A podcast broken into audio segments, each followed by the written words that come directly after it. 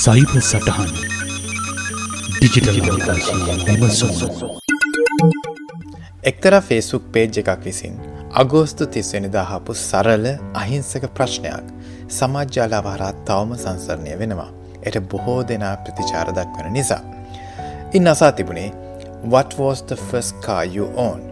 ඇත්ත ඉතා අහිංසක සරල ප්‍රශ්නයක්. විශ්වාස කරන්න මේ පෝස්ට් එකට විතරක් මේ වෙනකොට කමෙන්ට්ස් විදියට ප්‍රතිචාර මිලියන එකයි දශම තුනක් ලැබිල තියෙනවා. මේ මාස තුන හතරට මෙය දොළොස් දහස් වතාවක්ෂයා වෙලා තියෙනවා. එතකොට ඒ හැම ෂයායකටම තව මේ වගේ වෙන වෙන කමෙන්ට්ස් වැටෙන. මෙහි කමෙන්ට් කරපුය කෙතරම් උනන්දුවෙන් මේ ප්‍රශ්නයට පිළිතුරු දුන්නාද කියනවනම්. පිළිතුරට අමතරව තමන්ගේ මුල්වාහනේ පින්තුරත් ඒ කාලෙ තමන් ගැන විස්තරත් ලියල තිබ්බා. මේ පෝස්ට් පබ්ලික් කියන ප්‍රයිවස් සිටිං හරහ දාලා තියෙන නිසා අන්තර්ජාලඉන්න ඕනෑම කෙනෙකුට මේ කමෙන්ට්ස් කියවන්න පුළුවන්. දැන් මේ වගේ සිද්ධි දිනපතා සමාජජාලාවල දකින ඔබට ගැටලුවක් කෙනවෑ ඇති. මොකක්ද මෙහි ඇති ගැටලුව කියලා. ඒට පිළිතුරක් දෙන්න කලින් අපි බලමු ඇයි අපි මේ වගේ තේවල්වලට ප්‍රතිචාර දෙන්න නැඹුරු වෙන්නේ කියලා. මිනිසා කියන්නේ සමාජශීලී සත්වයෙක්නේ අපි හැමෝ මාසයි අපේ හිතවත එක්ක අපි ගැන පවුල් ගැන විස්තර බෙදාගන්න. විශේෂයෙන්ම අපේ අතීතය ගැන සුන්දර මතකයක් ආපු සැනින් ඒ අතීත කාමය තුළ නිමග්න වෙන්නේ බොහොම සතුටෙන්. සමාජ්‍යාලා විසින් මේ ආමන්ත්‍රණය කරන්නේ අප තුළ නිසංගයෙන් තියෙන මේ ආශාවට. මිනිසුන් එකිනෙකා මේ විදියට ජාලගත වෙද්දී සමාජ ජාලාවලට පුළුවන් ඔවුන්ට අදාළ වෙළඳ දැන්වීම් තිරය මතට ගෙනෙල්ලා ආදායමක් ලබා ගන්න ඒ රහසක් නොවේ. සමාජ්‍යාලා භාවිතා කරන්නන් හොඳටම දන්නවා.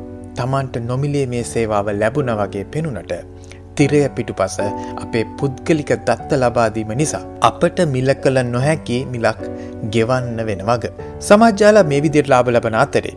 සයිව අපරාධකරුවන් සමාජ්‍යාලාවල සැරිසරනවා ඔබ ගැන ගන්න පුළුවන් තරම් විස්තර හොයාගන්න. එක යල කරන්නේ බොහොම සූක්ෂම විදියට.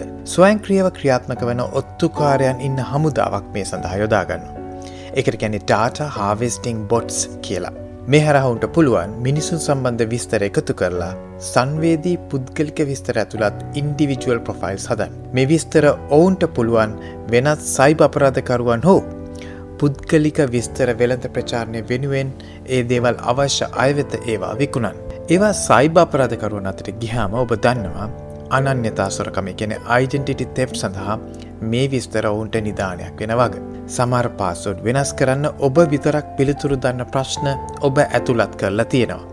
ෆස් pet ෆස්කා mother's maiden name birth city ආදිය. මේවට කියන්නේ සෙකරිටික් ෆෙෂන්ස්. දැන් මේවායේ පිළිතුරු දන්නේ ඔබ විතරක් කියා ඔබ සිතුවට මේ විදියට කමෙන්ට් කරද්දී ඔබ නොදැනුවත්වම මේවාය පිළිතුරු සයිබහොරුන් අතට පත්වෙනවා. මම හිතන්නේ දැන් ඔබට පැහැදිලි ඇති. මතු පිටින් අහිංසක වගේ පෙනෙන එවැනි ප්‍රශ්නයකට පිළිතුරු සපයද්දී ඒ එක්කමෙන අවදානම. සමහර සමාජ්‍යාල ඇප්වලින් කරන්නෙත් මේ වැඩි. ෆේස්බුක් සම්මාගම අතිශය අපකේතයට පත් වුණු ෆේස්බුක් පරිශීලකයන් මිලියන අසූ හතක දත්ත. දේශපාලනික ඕමනාවක් වෙනුවෙන් අවභාවිතාවට ලක්වුණු කුප්‍රකට කේම්බ්‍රිජ් ඇනලිටිකා සිද්ධියටත් පාදකුණේ දිසිසිෝ ඩිජිටල් ලයි් කියෙන ෆස්බුක් ඇ් එක. එසේ නම් අපි කොහොමද මේ වගේ අවධානමකින් ගැලවෙන්නේ සමාජ ජාලා භාවිතා කරන ගමන්. මූලිකෝම අපි හිතන්න ඕනේ අපේ සංවේදී පුද්ගලික විස්තර සමාජ ජාලාවල පල කරනවද කියල්. ඔබේ උපන්දිනය උපන්නගරය පළමු සුරතලා අම්මගේ මුල් නම ආදිය අනික් අය දැනගන්න ඕනෙමද. ඔබට හිතෙන්න්න පුළුවන් උපන්දින ආදිය ගැන දැනගැනීම හරහා මිතුරන්ගේ සුභ පැතුම් ලැබීම සතුටට කාරණයක් නිසා. එය වැදගත් බව. එසේ නම් කරන්න තියෙන්නේ. ඔබේ විස්තර මිතුරන්ට විතරක් පෙන්න ලෙස ප්‍රයිවසි සෙටිං එක ෆ්‍රෙන්න්ස් ඔන්ලි ලෙසින් වෙනස් කිරීම. ඒ තාම පහසු වැඩක්. නමුත් එහෙම කරත් වැඩක් නෑ. ඔබ ඔබට එන ෆ්‍රෙන්ඩ්‍රික්ේ සොයා බලෙන් නැතිව බාරගන්නවා නම්. අනිත් වැදගත්කාන්නය තමා විවිධ විනෝද ජනක ඇප්පල්ට විස්තර එකතු කරනකින් වැලකි සිට්න එක. මේ සරලකාරණ හරහා ඔබට යම්කිසි ආරක්ෂණයක් ලබාගත හැකි ඒ කොහොම වුණත් සමාජ ජාලා භාවිතා කරනවා නම් ඉතින් අපි ඒ සම්බන්ධව තේරුම් ගත යුතු ඇත්තක් තියෙනවා නිරතුරු සිහිය තබාගත යුතු. ඒ තමයි. If you don't pay for the product, you are the product. සයිබ සටහන පිටපත සාකතනය චම්පිරි අටගම සංස්කරණය සහ නිෂ්පාදනය උදය ගෝවින්න.